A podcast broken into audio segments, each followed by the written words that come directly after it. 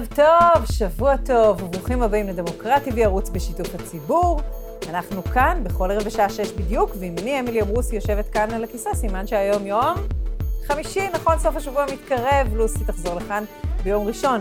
הערב אנחנו נדבר על המשך החשיפות אה, בנושאי תקיפות מיניות, אה, גם גינקולוגים, גם אה, שדרנים, תחום שהולך ונחשף. יהיו כאן שתי אורחות מאוד מעניינות, אני אציג אותן בעוד כמה רגעים.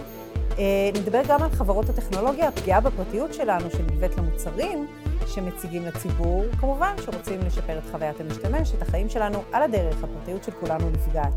נעסוק גם בזכויות אסירים. עכשיו, בתקופת הקורונה, הקושי הגדול של משפחות האסירים לראות את יקיריהם, העצורים או הכלואים, אה, ובאמת פוגע בילדים ונשים שלא חטאו ולא עשו דבר. אנחנו גם ניגע בחוסר האחידות בבתי החולים, בתקנות בנוגע ליולדות והמלווים שלהם, את מי בודקים וכמה בודקים בתקופת הקורונה.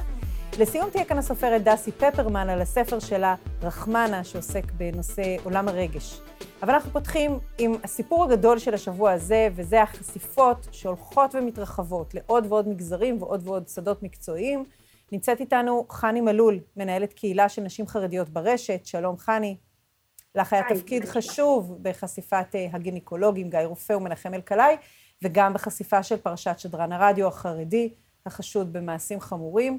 שמו עדיין לא הותר לפרסום. ונמצאת איתנו גם רביד אדרי, מנהלת קבוצת הפייסבוק, ששמה המלצות ואזהרות על גינקולוגים וגינקולוגיות.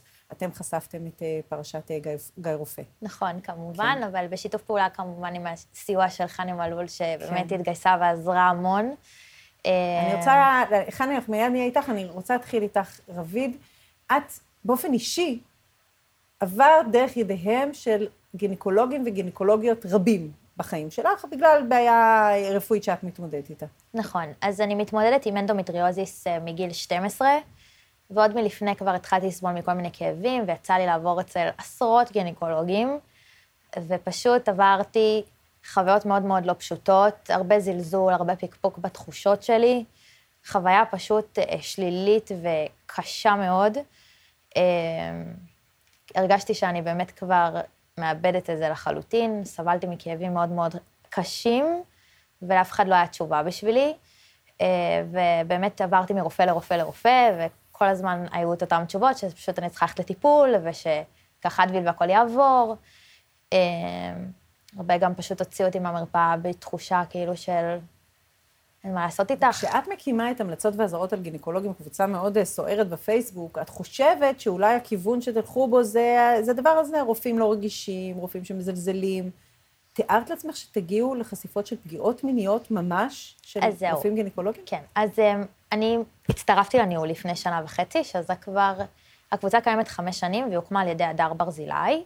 אה, שהיא הקימה את זה אחרי חוויה לא פשוטה שהייתה לה אצל גניקולוג בעצמה, והיא גם הקימה את זה במטרה שפשוט יהיה המלצות ודיס המלצות, שאנשים ידעו לאן ללכת. Mm-hmm. ולפני שנה ומשהו, אה, דנה ספקטור חשפה כתבה בטור בידיעות אחרונות, בשבע ימים, היא פרסמה על חוויה לא טובה שהייתה אצל גניקולוג, ושבזכות הקבוצה היא הבינה שהיא לא לבד אצל אותו גניקולוג, כי היא מצאה את השם שלו. ומאז היה גל הצטרפות מאוד גדול, ובאמת היו יותר ויותר סיפורים גם על על, מעבר לחוויית שירות לא טובה, גם על פגיעות ממש. וכשאני הצטרפתי לניהול כבר היו דיבורים קצת על דברים, אה, לצערי הרב. אה, אבל לא תיארתי לעצמי שזה יגיע לכאלה רמות שאנחנו ממש נסייע בחשיפה של פרשות אה, מאוד גדולות, ו... ולהביא רופאים למעצר, כאילו, זה דברים כן. שלא העליתי על דעתי שזה יקרה בשום צורה. כן. על הפרשה האחרונה של גיא רופא שהתפוצצה לאחרונה, אני ידעתי על הסיפור הזה לפחות שנה וחצי, כי אחת החברות הטובות שלי היא מהנפגעות. וואו, אמ, והיא לא ניגשה למשטרה? אני, אני רוצה לשמור על הפרטיות שלה בסיפור הזה, אבל אמ, היא כן הייתה אחת מהנפגעות, וידעתי על זה, והיה לי חלום מאוד מאוד גדול שזה יצא. ואני שמחה ממש שבזכות הקבוצה זה יצא החוצה, והצדק לאט לאט יוצא לאור. כן. חני, אני פונה עכשיו אלייך. את uh, מכירה היטב גם את התחום של. הפגיעות המיניות והחשיפות, את עוסקת בזה רבות, וגם את המגזר החרדי. אני רוצה לשמוע ממך קצת על מה שקורה במגזר החרדי, כי אנחנו נמצאים ממש כאילו לוויתן מתחת לאדמה הופך את כל הקרקע. יש ממש רעידת אדמה והתעוררות לשיח, לחשיפות, לדיבור פתוח על הנושא הזה. מאיפה זה מתחיל? זה מתחיל מפרשת משי זהב? אמ, אצלי הסיפור מתחיל מפרשת משי זהב. אה, אני זוכרת שפתחתי את הטלפון שלי באותו יום שהפרשה התפוצצה, ואני רואה המון המון תגובות אמ, של נשים. אני בהלם, אני לא מאמינה, איך זה יכול להיות, זה בטח עלילת שווא. ואני מעלה פוסט באינסטגרם שלי שאני כותבת, אני חושבת שפשוט הגיע הזמן שנתחיל להאמין. אמ, לא משנה מה הסיפור, מה רמת הפגיעה, פשוט להתחיל להאמין. והפוסט הזה גורר אחריו המון המון אה, תגובות, לטוב ולרע. ואני מבינה שבאמת יש פה איזשהו נושא רגיש וסוער שלא מדברים עליו ולא מתעסקים בו מספיק אה, במגזר החרדי. אני מנהלת אה, קהילת, קהילה ברשת של נשים דתיות וחרדיות, אז יש לי שיח ביום-יום עם המון המון נשים חרדיות בעיקר. ובעקבות הפרשייה הזאת אני מעלה איזשהו סטורי באינסטגרם שלי, ואני שמה בו את התיבה הזאת של השאלות, שבעצם העוקבות יכולות לכתוב משהו, ואני רואה במאחורי הקלעים מה כתבו, וזה לא פתוח לקהל הרחב. ואני שואלת, האם יש פה נשים שרוצות לשתף אה, מי, מי פגע בהן מינית? ואולי אם יהיו הצלבות והמון, ושמות שיחזרו על עצמם שוב ושוב, אז נוכל אה, לעשות עם זה משהו. אה, אני חושבת שאם במגזר הכללי אה, אחוז הגשת התלונות בנושא פגיעות מיניות הוא נמוך, אז במגזר החרדי הוא אפילו עוד יותר. ההשלכות של זה וההתעסקות כביכול העולם החיצון ועם, ועם אה, חוקרים במשטרה שלא תמיד מבינים את הרגישות וההשלכות של הדבר הזה במגזר. זה ברור, אנחנו ראינו גם בפרשת חיים ולדר, גם בפרשת משי זהב, אני לא בטוחה לגבי השדרן החרדי בפרשה החדשה, ראינו שהנתיב להוציא החוצה את הרפש לא היה בכלל דרך משטרת ישראל ומה, ו, ו, ו, ומערכות המדינה, אלא דרך בתי דין אלטרנטיביים, דרך אמצעי התקשורת. לצערי. אה, אני יכולה להגיד לך שכשנשים שנפגעו מינית פונות אליי, הן שואלות אותי, מה את אומרת, כדאי ללכת למשטרה? אני אף פעם לא אומרת להם לא ואני לא אומרת להם כן, אני תמיד שואלת אותם מה הן רוצות לעשות עם הסיפור שלהם, אבל לצערי עוד לא הגיעה אליי נפגעת מינית שעשתה את התהליך של הגשת תלונה, ואני מכירה כמה כאלה, ואמרה, התהליך היה טוב, אני שמחה שעשיתי אותו. אליי עוד לא הגיעה אחת כזאתי. והלוואי והדבר הזה ישתפר וישתנה, בגלל שאני חושבת שהתקשורת זה דרך אגרסיבית וקשוחה, אני חושבת שצריך אותה בהרבה מקרים מסוימים, במיוחד שאנחנו מדברים על פרשות כל כך גדולות. מנחם אלקלעי, אה, אה, התחלנו עם ארבעה נפגעות, והיום יש לנו יותר מ-35 אה, עדויות ביד, שזה מטורף, וזה זה פשוט גדול מדי. אז התקשורת היא לגמרי אלטרנטיבה טובה, אבל בסוף גם יושבות אלפי, יושבים אלפי נפגעים ונפגעות בבית, שהפוגע שלהם הוא לא מפורסם, והוא לא מישהו שהתקשורת ממש תתעניין בו. ו- והם מרגישות ומרגישים שאין להם הרבה מה לעשות, וזה מורכב. כן, כן. אה, הנושא הזה של גינקולוגים שפוגעים מינית הוא באמת אזור, אה, זרוע מוקשים. גם ככה אנחנו נמצאות בעמדת כל כך, עמדה כל כך נחותה מול הרופא, זה לא סתם איזה מרות וסמכות. זה גוף ערום, פעור, פתוח, נזקק לעזרה מהסמכות הרפואית, ו- וכשאתה שומע על פגיעות מיניות באזור הזה, זה פשוט uh, מוציא מהדעת. זה ממש מוציא מהדעת, אני יכולה להגיד לך שכשהסיפור הזה עלה, קיבלתי הודעות מנשים שכותבות לי, אני פשוט יושבת בבית כבר כמה שעות ורועדת. אני בהתקף חרדה מתמשך, אני לא יודעת איך... זה, זה באמת נוגע במקומות הכי רגישים אה, של כולנו, כמו שאת אומרת, לשבת עם גוף ערום הכי אה, רגיש וחשוף, ושם לקבל פגיעה, זה, זה לא פשוט. כן.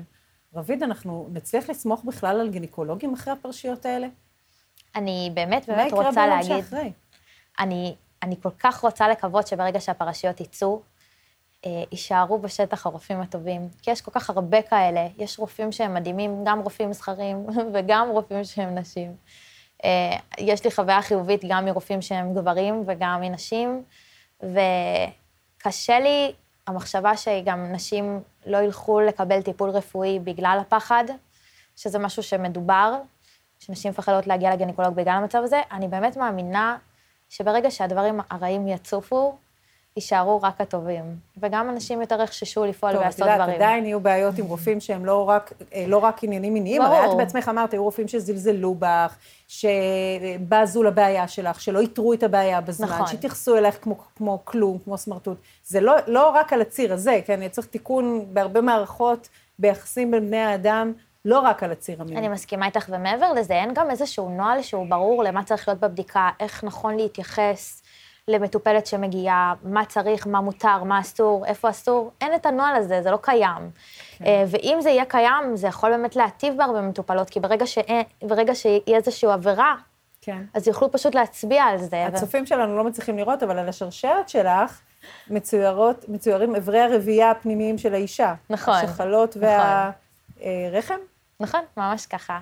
אה, זה חלק ממני, זה ממש, אני מרגישה שאני מדברת את הרחם שלי החוצה. אה, וואו. אז זה ממש איטי, ואני לא עושה קעקועים, אז זה שרשרת שלי, וממש מייצגת אותי ואת מי שאני, אני ממש מרגישה את זה. כן. אה, אה, חני, נחזור אליי, חני מלול, אה, שדרן הרדיו החרדי בפרשייה האחרונה. אנחנו אה, אסורים בפרסום שמו, אבל תוכלי קצת לפרוס אור, לתת אור על ה- אה, סוג הפגיעות שלו? כן, וואו, זה סיפור אה, כבד, באמת, שאני מרגישה שיושב עליי כבר המון המון המון חודשים. אמ, אני, כשפתחתי את התיבה הזאת שדיברתי עליה, עם האופציה לעוקבות שלי לרשום את השמות, אז בעצם קיבלתי ארבע, אה, מארבע נשים שונות את השם שלו, אמ, וממש נפגשתי פיזית עם חלקן, עשיתי שיחות טלפון, שיחות בזום עם חלקן, והסיפורים היו פשוט מחרידים ומזעזעים, ממש, אה, תקיפה של קטינה בזמן שהיא עשתה בייביסיטר אה, על הילדים שלו בבית, ותקיפה של בחורה צעירה שנתנה שירות למשפחה, ו, אה, וכשהוא נפגש איתה הוא ממש תקף אותה, ועוד קיבלנו גם הרבה הרבה מאוד אה, עדויות על אה, שליחת אה, תכנים מיניים בלי שום קשר, בלי שום אישור בפייסבוק, במסנג'ר, בהודעות. סיפורים היו ממש ממש קשים, כמו שאמרתי, מאוד קשה היום להביא נשים להתלונן במשטרה, והרגשתי שזה גלגל פגיעה כזה שצריך לייצר, ולכן התקשורת זה המוצא האחרון, בלב כבד. אה, יש הרבה שיח היום במגזר גם על זה שהמשפחה של הפוגע, כשזה מגיע לתקשורת ולא דרך המשטרה יותר בשקט, אז בעצם נכנסים למעגל הנפגעים גם אה, בני משפחתו של הפוגע, שזה נושא מורכב שעולה הרבה עכשיו בשיח שאני חלק ממנו. אה, ולכן אני אומרת שזה ממש אה, בלב כבד, אבל אה, אני יכולה להגיד לך שברגע שהדבר הזה יצא לעיתון, אה, הרגשתי איזושהי תחושת הקלה, שמשהו נעשה פה, וגם מהנפגעות, אני מקבלת את הפידבקים מאחורי הקלעים, זה נשים שמרגישות שהן פשוט היו חולשה גדולה והשפלה אה, בזמן הפגיעה, פתאום מרגישות כשהן ביחד, שהן כוח גדול, שהן לא לבד. הרבה פחות האשמה עצמית שאת שומעת שיש לנו כבר שמונה נפגעות, ולא רק, אה, ולא, ולא רק שנים על גבי שנים שהם חשבו שזה רק הן. אה, והלוואי ואת יודעת, אנחנו את נעשה כזה. את היית ממליצה לצופות שלנו, לעוקבות שלך, להמשיך במסלול הזה, לפנות אלייך, לפנות למי שמפוצץ את המורסות האלה, לפנות לגופי תקשורת או לבתי הדין האלטרנטיביים או פורום תקנה, או ללכת פשוט למשטרה.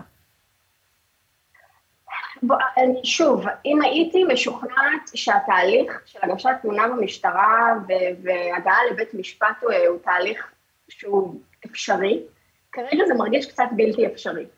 אמ, אם הייתי משוכנעת שזה תהליך שהיה שומר על הנפגעות ומגן עליהן ועושה את זה נעים עד כמה שניתן עבורם, אז יכול להיות שהייתי ממליצה, אבל אני לא ממליצה לא על תקשורת ולא על משטרה, אני תמיד שואלת את הנפגעת מה את רוצה לעשות עם הסיפור שלך, ולפעמים בכל אה, נפגעת, אצל כל נפגעת יש משאלה אחרת איך לסגור את הסיפור שלה, וזה ממש אה, בסדר ולגיטימי להחליט מה הדרך שהן רוצות.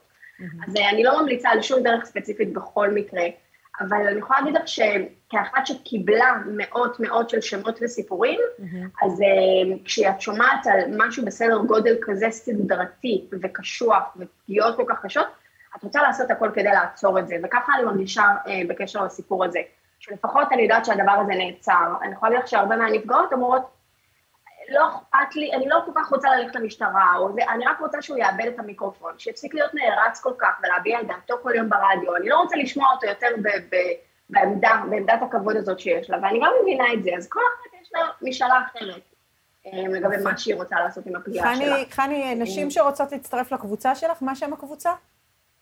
אני, אני לא קבוצה, אני חשבון אינסטגרם, קוראים לי אה. חני מלול. חשתי, את מנהלת גם, אה, גם קבוצת. פייסבוק. אוקיי, חני מלול. אה, בואי נגיד, אה, איך אומרים אצלנו במגזר, יישר כוח. כל הכבוד על הפעילות שלך ועל איסוף העדויות. אפשר להמשיך ולפנות אלייך, או לפנות אה, למוקדי הסיוע, למשטרת ישראל, לכל מי שאתם מרגישים שיכול אה, לעצור את הפגיעות. חני מלול, תודה רבה. רביד אדרי, משפט סיכום שלך. אה, קודם כל, אתן לא לבד. ואם אתן מרגישות באמת שאתן נפגעתן מגינקולוג, או בכללי מכל רופא אחר, אתם מוזמנים באמת לפנות אלינו וננסה לעזור להוציא את זה החוצה. אלינו זה להמלצות ואזהרות על גינקולוגים. המלצות ואזהרות על גינקולוגים וגינקולוגיות וגינקולוגים, זה עם נקודה. Mm-hmm. גינקולוגיות עם. Mm-hmm. ומעבר לזה, הלוואי ויהיה יותר טוב, זה מה שיש לי להגיד. הלוואי שכולנו נרגיש בטוחות בחדר הרופא, בחדר הייעוץ, בכל מקום, בצבא, ב... לגמרי. בכל מקום שבו אנחנו נוכחות ונמצאות, ושלבנות שלנו יהיה עולם טוב יותר. רביד אדרי, תודה רבה תודה גם לך. תודה רבה גם תודה. לך. עכשיו נדבר על אה, חברות הטכנולוגיה וההתפתחויות המדהימות שבהן, שלצד כל היתרונות, גם אה, פוגעים לנו בפרטיות, רוצים לשפר את חוויית המשתמש מצד אחד, על הדרך מסכנים את המקום הפרטי של כולנו. אנחנו רוצים לדבר על המשמעויות של זה עם נעמה מטרסו קרפל, שלום לך. אהלן, תודה שאירחת אותי. אהלן, מנכ"לית עמותת פרטיות ישראל. נכון מאוד. אז בואי נתחיל עם הרכיב הקטן אה, והבלתי מוכר עדיין, שיכול בעצם להיות אמצעי מעקב משוכלל על כל אחת מאיתנו. נכון, אה, בחודש האחרון אה, ככה התגברו העדויות בטיקטוק דווקא, של נשים שהצמידו להן ככל הנראה רכיב שנקרא AirTag מבית אפל, שזה רכיב שעלותו היא 29 דולר, שכל אחד יכול לרכוש כדי אה, להצמיד לחפצים שהם מקרי ערך, וכך לאתר אותם בקלות. עכשיו, אה, אנשים רבים חשבו שיכולים להיות שימושים נוספים לרכיב הזה, וזה להצמיד אותם לנשים או לרכבים כדי בעצם לעקוב ולאתר את האנשים שאליהם הם הצמידו את הרכיב הזה. עכשיו, מה שקורה שברגע שהרכיב הזה מוצמד אה, למישהי או לרכב ויש אייפון בסביבה, אז אותה אישה תקבל כנראה התראה על כך שיש רכיב מעקב בקרבתה, וכשהיא פותחת את ההתראה, היא תראה ממש את המסלול שהיא עשתה אה, לאורך אה, זמן המעקב. ככה שאם נקביל את זה ככה, רגע שנייה למציאות, שאישה הולכת ברחוב, היא מרגישה שמישהו עוקב אחריה, היא יכולה להסתכל אחורה ולראות מי עוקב אחריה, ולרוץ, להתקשר למשטרה, ללכת לאזור מואר, פה אין לה שום שום יכולת להתמודד כן, עם זה. אבל מישהו מי... צריך להגיע אליי פיזית ולהצמיד אליי את הכפתור הזה. נכון? זה לא כן, משהו מרחוק. כן, מדובר ברכיב בגודל של חמישה שקלים, אה, מספיק שאת הולכת לשירותים או שאת לא מסתכלת ומצמידים לך את זה לתיק, למעיל, אה, לכל חפץ שהוא קשור אלייך, ואת כבר תראי את זה. עכשיו, כן חשוב להדגיש ככה למען המהימנות של הדיווחים, עד היום לא, לא ברור האם כלל הדיווחים האלה היו באמת מעקבים, או שמדובר בתקלה בצד של אפל. אפל לא אה, שחררה שום הודעה בנושא, או שום עדכון. כלומר, מלבד ההתראות שאנשים קיבלו, אין לנו שום אה, מושג לגבי האם מדובר באמת באנשים שעקבו אחרי טוב, אה, נשים, תראי, צריך, לה, צריך להסביר פה מה, מי, מי, מי הם הקהלים שנמצאים בסכנה. כי אני בתור אימא הייתי מצמידה את זה לכל ארבעת ילדיי, מכניסה להם את זה מתחת לאור, ואני אוכל לעקוב איפה הם נמצאים. אבל בואי נדבר ברצינות. וזה גם, אגב, סיפורים שקיימים, של נשים, שאימהות הצמידו את זה לבנות שלהם כדי לראות איפה הן מסתובבות בעצם. כן, בואי נראה uh, יחד סרטון שקצת uh, מסביר את העניין. Last night I got this notification that an unknown accessory was detected near you. It even says at the bottom if you feel your safety is at risk due to this item, contact local law enforcement. I instantly recognize this from all the viral TikToks I've seen about women finding AirTags and other tracking devices planted on their belongings or their cars. It freaks me out because it shows the exact location, like that red dot is literally where we parked, and then it shows the direction we drove in order to get to my house. כן, נגיד שזה לא רק נשים, אפשר גם לעקוב אחרי קשישים שהוציאו כסף מהבנק ולראות מתי הם פונים לאיזה אזור עם פחות בני אדם. אפשר לבצע מעקבים באופן כללי, לפגוע בפרטיות שלנו. נכון, אני חושבת שהגבול פה זה בעצם, יש פה רכיב שכמו שאת אומרת, אפשר להשתמש בו לצרכים חיוביים, לעקוב אחרי הילדים שלנו בהסכמתם כמובן, אבל יש פה איזשהו גבול שקצת אה, נחצה, שהטכנולוגיה יכולה לשמש נגדנו, וזה אני חושבת הקו הדק שאנחנו, במקום הזה אנחנו צריכים לעורר הרבה יותר ביקורת ולהיות הרבה יותר ביקורתיים בעצמנו כלפי. כלפי פיתוחים טכנולוגיים אחרים. כלומר, היום אה, גוגל הוציאה עדכון אה, לדפדפן כרום, שיאפשר למפתחי אתרים לעקוב אחרינו בצורה הרבה יותר מדויקת וייחודית. Mm-hmm. עכשיו, הרבה מאוד דפדפנים אחרים אמרו שהם לא יאמצו את העדכון הזה, כי זה עדכון שחל גם על דפדפנים שהם לא כרום, מהסיבה הפשוטה שזה פשוט עדכון שלא משרת את הצרכנים, וזה בדיוק הגבול שאני מדברת עליו, שכאשר עדכון טכנולוגי או פיצ'ר טכנולוגי או רכיב טכנולוגי לא משרת אותנו המשתמשים, שזו הנקודה שבה אנחנו צריכים להיות הרבה יותר ביקורתיים והרבה יותר ערניים לשימוש לרעה כן. בטכנולוגיה אז הזאת. אז בואי נדבר בקצרה, ממש בקצרה, על עוד כלי, אנחנו שומעים על אה, חידוש אה, בגוגל כרום, זה, זה, זה, זה החידוש סליחה, אני גם מדברים איתי באוזנייה, אני גם מנסה להבין מה את אומרת כשאני ממש out of uh, טכנולוגיה. Uh, אנחנו, אני רוצה שתסבירי לי שוב את העניין הזה של גוגל ואיך אנחנו, מה אנחנו יכולים לעשות. אין בעיה. אה, גוגל היום אה, תוציא הערב בעצם עדכון לדפדפן כרום שכולנו מכירים. העדכון הזה משמעותו שמפתחי אתרים יוכלו לאסוף יותר מידע עלינו באמצעות המקלדת שלנו. כלומר, עד היום היה פיצ'ר שהיה מבוטל בדפדפנים, שיכל לזהות את השפה של המקלדת, אה. וכל מיני מאפיינים ייחודיים שדרכו אפשר לשכלל את הפרופיל שגם ככה אוספים עלינו ברשת. כלומר, זה לא ממש משנה הטכנולוגיה שמאחורי זה, רק מה שמשנה שגוגל בעצם משחררת איזשהו עדכון, יופי. שמאפשר בצורה הרבה יותר פשוטה, מה אני ואת יכולות לעשות? להשתמש בדפדפנים שומרי פרטיות אחרים. כלומר, יש את כרום, אה. שהוא נפוץ מאוד, אבל יש דפדפנים לא פחות רעים ואפילו יותר טובים, כמו מוזילה פיירפוקס, ברייב, טור בראוסר ואחרים. בכלל, אני חושבת שהמצב שלי... זה ממש לשנות לנו את ההרגלים. לא כל כך, כי לצורך העניין ברייב וכרום נראים די דומה והם פועלים בצורה די אה, דומה, כי הם מבוססים על אותה תשתית טכנולוגית. אמ-המ. העניין הוא פשוט לפצל את תשומת הלב שלנו להרבה יותר פלטפורמות, הרבה יותר שימו, אתרים, שימושים אחרים, ולהיות יותר סקרנים וביקורתיים לטכנולוגיה שאנחנו משתמשים בה, כי היא לא תמיד לטובתנו. הסברת את זה בבהירות גדולה. אה, נעמה מטרסו קרפל מעמותת אה, פרטיות ישראל, שעושה דברים חשובים, אה, ואנחנו נשמח לשמוע עוד בהזדמנויות נוספות. תודה, תודה רבה לך. תודה. טוב.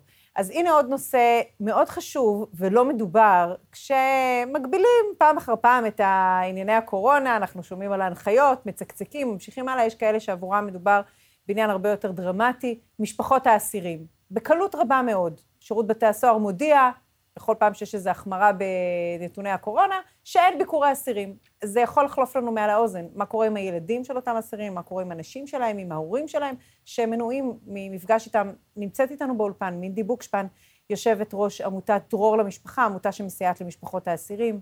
את uh, באת לספר לנו על הפסקת הביקורים וההתייחדויות עם בני המשפחה בבתי הכלא בשל הקורונה. שלום, ערב טוב לך. ערב טוב, ערב טוב. אלייך uh, מצטרפת בזום עורכת הדין הילה חבצלת לנג, מתמחה בזכויות אסירים, אנחנו מיד נפנה אלייך, הילה. Uh, מינדי, נתחיל איתך. אני זוכרת כמה פעמים בשנתיים האחרונות שהדבר, החוליה הכי חלשה, שהכי קל לפגוע בה, זה להגיד, שירות בתי הסוהר עוצר את הביקורים, זה לא הפעם הראשונה שזה קורה. זה בכלל לא פעם הראשונה, וכשזה קרה בהתחלה, אז אמרנו, אוקיי, בסדר, יש סגר בחוץ, אין מה לעשות. אבל כשזה קורה עוד פעם ועוד פעם, ובמיוחד עכשיו, כשאין סגר בחוץ בכלל, שדה התעופה פתוח, הכל פתוח, קניונים פתוחים, למה ילדים לא יכולים לבוא ולחבק את אבא שלהם? בעלך אה, אה, כלוא באיזה לא, בית סוהר? לא, בעלי לא כלוא. בעלי אה. היה בבית סוהר, אבל הוא זוכר, זה כבר סיפור ישן, אנחנו... משוחרר. משוחרר, אנחנו לא חווינו את הקושי הזה, אבל כל פעם כשאני שומעת את זה, ואני שומעת את האימהות ואת הילדים, אני אומרת, איך היינו עושים את זה? כן. הילדים חיים מביקור לביקור, זה אבא שלהם, זה החוסן שלהם. המצב עכשיו הוא שאין ביקורים בכלל, או שהביקורים מוגבלים? יש ביקורים סגורים. מה זה ביקורים סגורים? ביקור סגור זה שיש חלון שמפריד בין הילד לאבא, הם מדברים רק בטלפון, והם גם צריכים ללכת עם מסכה. נגיד רק שהילדים הקטנים האלה לא חטאו ולא פשעו ולא מואשמים בדבר, הם בסך הכל הולכים לבקר את אבא שלהם, שלפי החוק נמצא מאחורי סורג ובריח. וזה. לא קשור אליהם, הם לא חטאו, מגיע להם זכותם לראות את אבא שלהם כל שבועיים, ולא נותנים להם את זה. היד קלה על ההדק לדעתך, מבחינת שירות בתי הסוהר, להגביל ברור, את ה... ברור, ברור? תחשבי.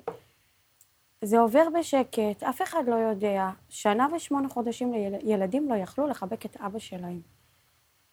עד שעשינו ועדה בכנסת, ויושבת ראש ועדה לביטחון פנים, מירב בן ארי, הציבה להם עובדה, אתם פותחים את הביקורים, גם קיבלו החלטה, משכו עוד 14 יום, אוקיי. בסוף פתחו את הביקורים. אמרו, יש החמרה, מתחיל גל חמישי, מודיעים, היום נסגר הביקורים. ילדים מחכים שבועיים לביקור הזה, כבר סופרים את הימים, את השעות, פתאום סטופ נגמר, אותו דבר גם עם החופשות. תחשבי, אסיר ביום חמישי יודע שביום שישי מגיע הביתה, אז עזבי אותך אסיר. ילדים מחכים, אבא מגיע מחר הביתה, מכינים אוכל, מכינים את הבית. כן. כל ההכנות הרגשיות, הפיזיות, הכל, פתאום, לא, ביום חמישי, אחר הצהריים. ואת לא יכולה להבין את הצד שמבקש לצמצם את התחלואה, ובאמת בית סוהר, ברגע שיש אחד חולה, כל הבית סוהר יחלה, הם כולם ביחד בקפסולה אחת, ובאמת שירות בית סוהר אולי נוהג באחריות. דבר ראשון, המחלות נכנסות שם גם ככה. למה? כי יש שם עובדים שנכנסים כל הזמן והם לא נבדקים. יש גם אסירים שעובדים בחוץ והם נפגשים. אסיר אמר לי, אני נפגש עם 600 אנשים כל יום, ואני בשקט יכול להכניס את זה בפנים. אז הוא אומר, אם אני יכול לפגוש נהג משאית ועובדים בחוץ, למה שאני לא אפגוש את הילדים שלי? למה שאני לא אפגוש את ההורים שלי? כן, מיד נחזור אלייך, אה, עורכת הדין הילה חבצלת לנג. את אה, מתמחה בזכויות אסירים. בקלות רבה מאוד הזכויות האלה של מפגש עם המשפחות אה, נמחקות, נכון? נכון, אז כן, אני ממש מצטרפת לדברים של מינדי. בעצם למעשה כמעט שנתיים אנחנו כולנו חווים הרבה הגבלות על החיים שלנו בחוץ, אם זה סגרים, אם זה הגבלות אחרות, אבל האסירים כבר שנתיים ממש לא מקבלים זכויות בסיסיות. אה, בין אם זה ביקורי משפחות שמינדי הזכירה, בין אם זה מפגשי התייחדויות לבני זוג, אה, שגם כשכבר פתחו את המפגשי ההתייחדויות, אז יש כל מיני דרישות של תו ירוק ובדיקת PCR, שאין דרישה כזאת בחוץ לשום דבר. אה, כל, כל, כל הזכויות של האסירים למעשה מופסקות, והקשר שלהם עם העולם בחוץ, שזה קשר שכל כך חשוב גם לשיקום שלהם, גם ל-well-being שלהם, פשוט מופסק. אה, ואנחנו חווים את זה יום-יום. אה, היום למעשה גם אה, גילינו. שגם זכות בסיסית של אסיר להגיע לדיון שלו מופסקת, ולמעשה מעכשיו... בגלל הקורונה? של... כן, וואו. אסירים יעלו לדיונים אה, בווידאו, לא יצאו החוצה. אמ, עכשיו, למה זה אבסורד? כי בעצם בבית הכלא אה, עובדים סוהרים שיוצאים ונכנסים, יש קבלנים שיוצאים ונכנסים, יש תנועה ערה כל הזמן מחוץ לכלא, החוצה פנימה. אה, כך שהקורונה נכנסת והקורונה יוצאת, והאסירים נשארים בפנים. גם כשמדובר במשפחות שהן מחוסנות עם תו ירוק, הם יהיו באותן הגבלות, עם מפגש מאחורי קיר זכוכית, מה שנקרא מפגשים סגורים? כן, כן, עם מסכה, ילד לא יכול לחבק את אבא שלו, לא יכול להתקרב, כן. תגידי, את, את אה, מרגישה ש, שלמישהו אכפת מהאסירים? באמת החוליה הכי חלשה בחברה הישראלית.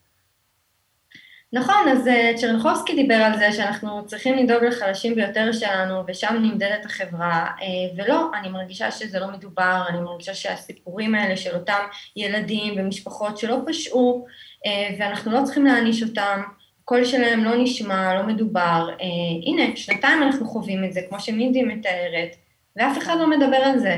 כן. אה, אנחנו מנסים כמובן אה, לרתום את בתי המשפט, מגישים עתירות, אה, וההוראות הן כל כך חד משמעויות, זאת אומרת, גם אם חס וחלילה לאסיר נפטרה אימא, והוא רוצה לצאת להלוויה, לא מאפשרים, זאת אומרת, אין חריגים, פשוט אין חריגים, לא וזהו. וואו. מינדי אה, אה, הילה מטפלת בעניינים פרטניים של אסיר כזה, אסיר כזה, את רואה את הקבוצה כולה, את הזעקה כולה. אה, גם האירוע הזה שהיא אומרת שאי אפשר לצאת ללוויה של בן משפחה קרוב בגלל הקורונה? ללוויה, לחתונה, לברית. מול מי אתם עומדים? מי, מי הגוף שמולו אתם מדברים? את בתור נציגת ארגון המשפחות. אני פניתי לחברי כנסת, ואני פונה אליהם כל הזמן, אני בקשר איתם כל הזמן. אמרתי להם, השבוע, בואו, מה עושים? הפגיעה הזאת לא נגמרת. הם אמרו לי, תקשיבו, רק לתקשורת, אין לנו עם מי לדבר. מי האיש הרע בסיפור? שירות בתי הסוהר שרוצה להקל על עצמם את החיים? להערכתי כן. מה השר לביטחון פנים אומר? אני באופן אישי אין לי קשר אליו, אבל כן חברי כנסת אמרו לי שדיברו איתו, ואמרו לי ש... הוא אומר, זה מה ש... זהו זה. זה מה יש, תתמודדו. האמת שזה אחד האייטמים הכי כואבים שיצא לנו לעשות פה, ואני מבטיחה לך שאנחנו ניקח את קטע הוידאו הזה, שבו אתן מתראיינות, ונעביר את זה לאנשי השר לביטחון פנים, ונבקש את תגובתם אה, לעוול הזה. הרי באמת אפשר להגן, אפשר לבדוק תו ירוק, אפשר לעשות בדיקות מהירות בכניסה לכלא, אפשר אני, למצוא פתרונות יצירתיים. אני אספר לך עוד יותר חמור. משפחות אסירים שבאים לבקר את, המשפ... את האבות או את הילדים, הם יכולים לבוא רק עם PCR בתוקף. גם אם זה ביקור סגור. היה ועדה בכנסת לפני איזה חודשיים וחצי, שאני יזמתי אותה לגבי הביקורים הפתוחים, ואומרת לי, אמרו לי שם מהשב"ס, תקשיבו, הם לא צריכים לעשות PCR. ואני אומרת להם, אני יודעת ממשפחות שלפני כל ביקור הן הולכות לעשות PCR. אבל אנחנו הורדנו את ההנחיה. אני בודקת מול המשפחות, אני אומרת לאנשים שלהם, תגידו לבעלים שיבדקו באמת אם הורידו את ההנחיה. כולם הולכים לשאול את מפקדי אגפים, כן, הורידו את ההנחיה, למה לא עדכנתם את המשפחות? אתם יודעים מה זה? באה אימא עם חמישה ילדים, הולכת לקופת חולים או לכל מקום אחר, צריכה לעשות בדיקות PCR, זה לא נעים, זה לא נחמד, זה, היא צריכה כל פעם להמציא תירוץ אחר, כי היא לא חייבת לתת לכולם דוח למה היא עושה לילדים שלה את הבדיקות האלו. ואחת אמרה לי, באמת, את יודעת, לא ביקשו את זה ממני, אבל לא אמרו לה, אל תעשי את זה. הזלזול הזה כל כך בקלות במשפחות, בילדים האלו, כאילו, למה מתייחסים אליהם כעבריינים? הם לא חטאו, הם לא פשעו. לא מגיע להם לסבול, מספיק הם סובלים גם ככה בבית. שלא לדבר על הסבל של הילדים, על הרגרסיה, על התחושה שלהם מול האבא. ילדים קטנים לא מבינים למה הם לא יכולים לבוא לבקר אותו, לא יכולים לבוא לחבק אותו. מבחינתם, אבא, אתה לא אוהב אותי, אתה שונא אותי, וזה גורם להתנהגויות לא טובות בבתי ספר, בתלמודי תורה, ואנחנו עומדים מול קיר. אני באמת פונה לכל מי שיכול לעזור. יש מישהו בשירות בתי הסוהר שתפקידו להיות בקשר עם המשפחות? יש לכם כתובת לפנות אליה בשירות בתי הסוהר? לא. אולי כדאי שיהיה אדם כזה, אני בשנת הקורונה הראשונה, ש- גם הייתי בקשר איתך וגם הייתי בקשר עם ארגונים אחרים שדואגים לזכויות אסירים. שירות בתי הסוהר, לי כעיתונאית שיקר פעם אחר פעם. אמרו נכון. לי, מותר להיכנס משפחה שלמה, בסוף היה מתברר לא, מותר נכון. גם רק אדם אחד או רק שני אנשים. נכון. והם אה, לא, לא דברו אמת אה, לאורך הזמן הזה. הילה חבצלת לנג, האם את מכירה איזשהו גוף שמטעם המדינה מקבל את פניות המשפחות של האסירים? בבתי הכלא אה, ישנן קצינות אסירים שאפשר, המשפחות יכולות לפנות אליהם. אה, וקצינות האסירים מעבירות את הבקשות לגורמים גבוהים יותר. אה, אנחנו כל פעם מגיעים לגורמים גבוהים יותר, בעיקר גורמי רפואה, שמוציאים הנחיות שהם לא רוצים שהמגפה תתפרץ בבתי הסוהר, ושם זה נגמר. זאת אומרת, זה כל פעם אותה תשובה, גם לנו, גם לבתי המשפט, זה תמיד טוב, אותו, בוא, בואי נודה על. האמת, זה חתיכת בעיה. אנחנו כולנו רוצים שבתי הסוהר יישארו אה, סגורים ו- ומוגנים מקורונה, כי ברגע שיש שם אדם אחד חולה קורונה, זה כל הכלא חולה.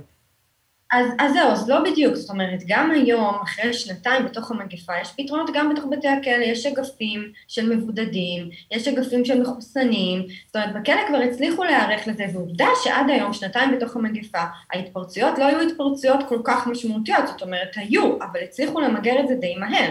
דווקא שם, שאפשר לחלק את האסירים, וישנם אגפים שונים, זה יכול, זה, זה עוזר, זאת אומרת, ישנם פתרונות, אה, והם עושים אותם.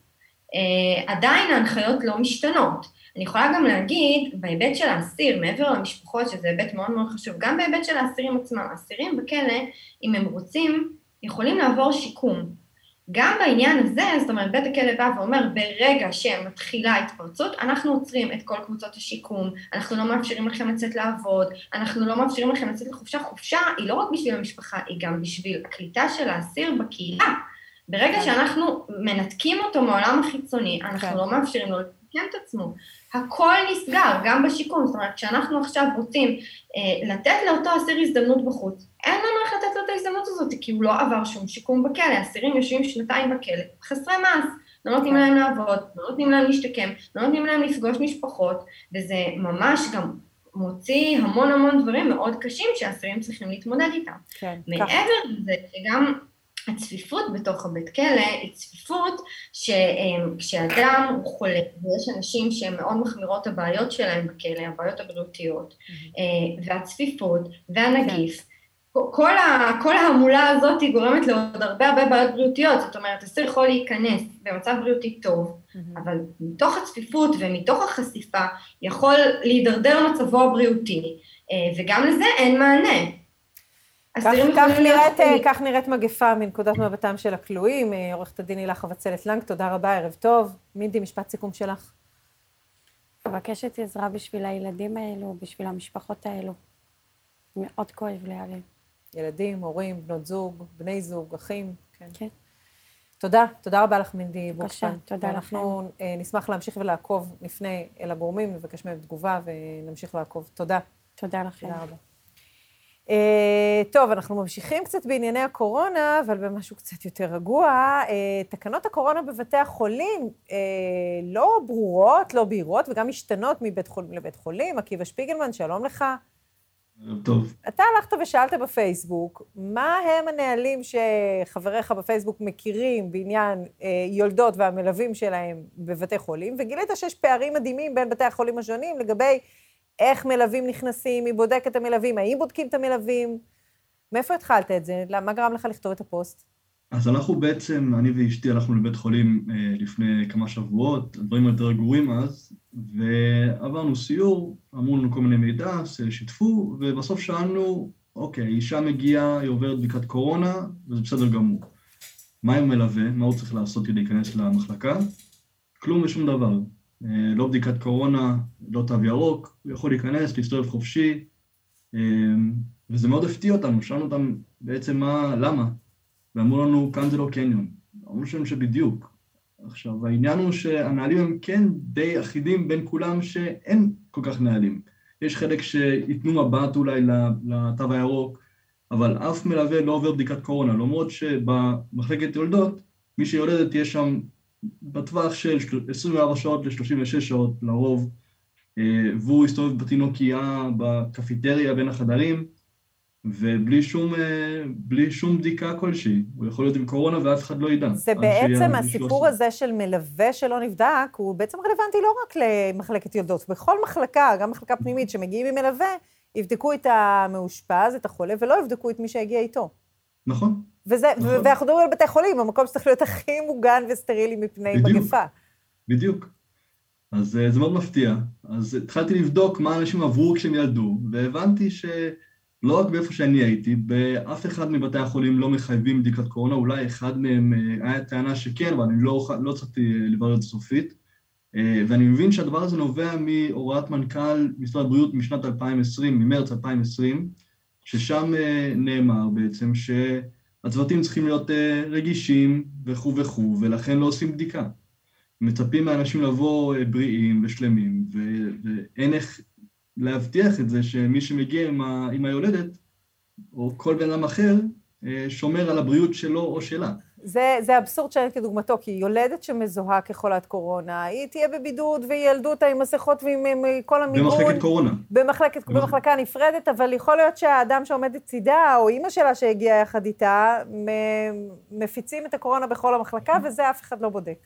אה, טוב, אה, עניין שצריך לטפל בו, וסוגיה שנותרת פתוחה. תודה רבה, עקיבא שפיגלמן. תודה רבה לך. ועכשיו לסיום, אנחנו אוהבים אה, להיכנס לסוף השבוע באייטם רגוע, קצת אה, תרבותי, ספרותי. אני רוצה להגיד אה, שלום וערב טוב לשחקנית והמטפלת הרגשית דסי פפרמן, ועכשיו גם סופרת. ספר חדש. וואי, ערב טוב, רחמנה, טוב. ערב טוב, דסי יקרה. ספר חדש, רחמנה, התפתחות עצמית מבוססת רגש. מה זה רחמנה?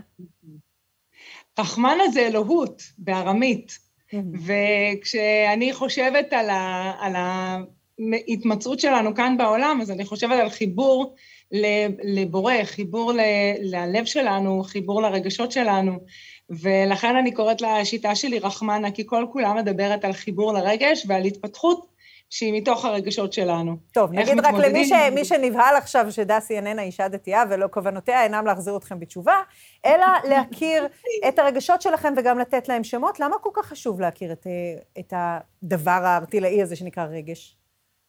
כי האמת היא שרגשות הם הדבר היחיד שמתקיים באמת בעולם שלנו. כלומר, כל המציאות שלנו היא מוטלת בהמון ספקות והיא עניין סובייקטיבי לחלוטין, וכולנו יכולים לראות את אותה תמונה ולהרגיש משהו אחר לחלוטין. וכשאנחנו לא מחוברים לרגשות שלנו, אז אין לנו שום יכולת לבחון מה באמת טוב לנו, מה נכון לנו, מה לא טוב לנו, איך אנחנו יכולים לשנות. ורק החיבור לרגש מאפשר את כל זה. והסיבה שאנחנו לא מסוגלים להתחבר באמת לרגשות שלנו היא שאנחנו מפחדים מכאב. כי המסרים שקיבלנו מגיל מאוד מאוד מאוד קטן, היו שיש בעיה עם הרגשות שלנו. למשל, אה, אם כעסנו נורא כשהיינו ילדים, אז שלחו אותנו לחדר ואמרו לנו, תחזרו כשתירגעו. אז המסר היה שיש משהו לא תקין ברגשות שלנו, והאמת היא שהרגשות שלנו הם הדבר היחיד שיכול לתת לנו מידע אקוטי בזמן אמת. האם מה שקורה לי עכשיו הוא תקין? האם אני יכול לשנות? איפה יש לי שליטה? איפה אין לי? אה, ומה אני עושה עם מה שאני מרגיש? אה, ואנחנו לא מתחברים לזה, ואחר כך אנחנו גם לא יודעים איך לחוות אושר, אנחנו לא יודעים איך לחוות שמחה, כי אי אפשר לכבות רגש אחד ולצפות שכל השאר יישאר תקין. אז אנחנו לומדים לפחד מכאב, ואם אנחנו לומדים שאפשר לשבת בו ולשהות בו וללמוד ממנו, ולא יקרה לנו כלום, זה רק כאב, אז אנחנו יכולים לחיות חיים שהם משוחררים לחלוטין מסבל. כי ההבדל בין כאב לסבל הוא האם אני מתנגד או האם אני מקבל, האם אני אה, נותן לזה לקרות, האם אני נח בשלווה בתוך זה. נח בשלווה בתוך זה, גם בתוך רגשות שאנחנו רגילים להגדיר אותם כרגשות שליליים? כן, אני בכלל, אני טוענת שאין כזה דבר בכלל רגש שלילי. יש רגש שאנחנו קוראים לו שלילי כי הוא כואב לנו. אבל מי אמר שכאב זה דבר שלילי? אם, אם נחתך באצבע ולא נדע שכואב לנו, אז אנחנו עלולים להמשיך לחתוך את האצבע. כלומר, כאב הוא הדבר הכי בריא שיש. כאב שולח אותנו למרפאה, פחד מונע מאיתנו לקפוץ מגובה. כאב הוא, הוא אחת המתנות הגדולות שאנחנו יכולים לקבל, והעובדה שאנחנו לא יודעים להתמודד איתו מרחיקה אותנו כל כך מעצמנו, מהייעוד שלנו, מהתהליכים שלנו. אז אין כזה דבר בכלל רגש שלילי, יש רגש כואב. אבל בכל זאת טבע האדם מנסה להימנע מאכזבה, פחד, אה, כאב, כל אותן תכונות, עצב, כל אותן תכונות שמכבידות עלינו. יש לנו משהו בטבע שלנו לברוח, את אומרת, אל תברחו, תשהו בתוך הדבר הזה, תנו לו שם, דעו שזה מה שאתם עוברים כן. עכשיו, ואיך מתפתחים מזה? אני אגיד לך איך מתפתחים, זה מאוד מרתק, אבל אם תשאלי אנשים מה הדבר שהכי פיתח אותם בחיים, הם יגידו לך, אה, ah, רגע, כשאבא שלי נפטר, אז עברתי את ההתפתחות הכי גדולה שלי, התבגרתי ביום אחד. או אה, כשעברתי תאונת דרכים, פתאום גיליתי אילו כוחות יש בי. או אה, כשירדתי מנכסיי, גיליתי כמה חברים יש לי בעולם. או גיליתי את היכולת שלי להיות עצמאי, אחראי, ל, אה, שורד, עמיד, יציב. Mm-hmm. כל הדברים הכי טובים שזכינו להם בחיים, באו עם הרבה כאב לפעמים.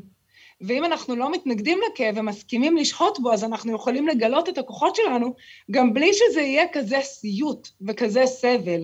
וואו. אז uh, אני לא יכולה לכנות רגש כשלילי.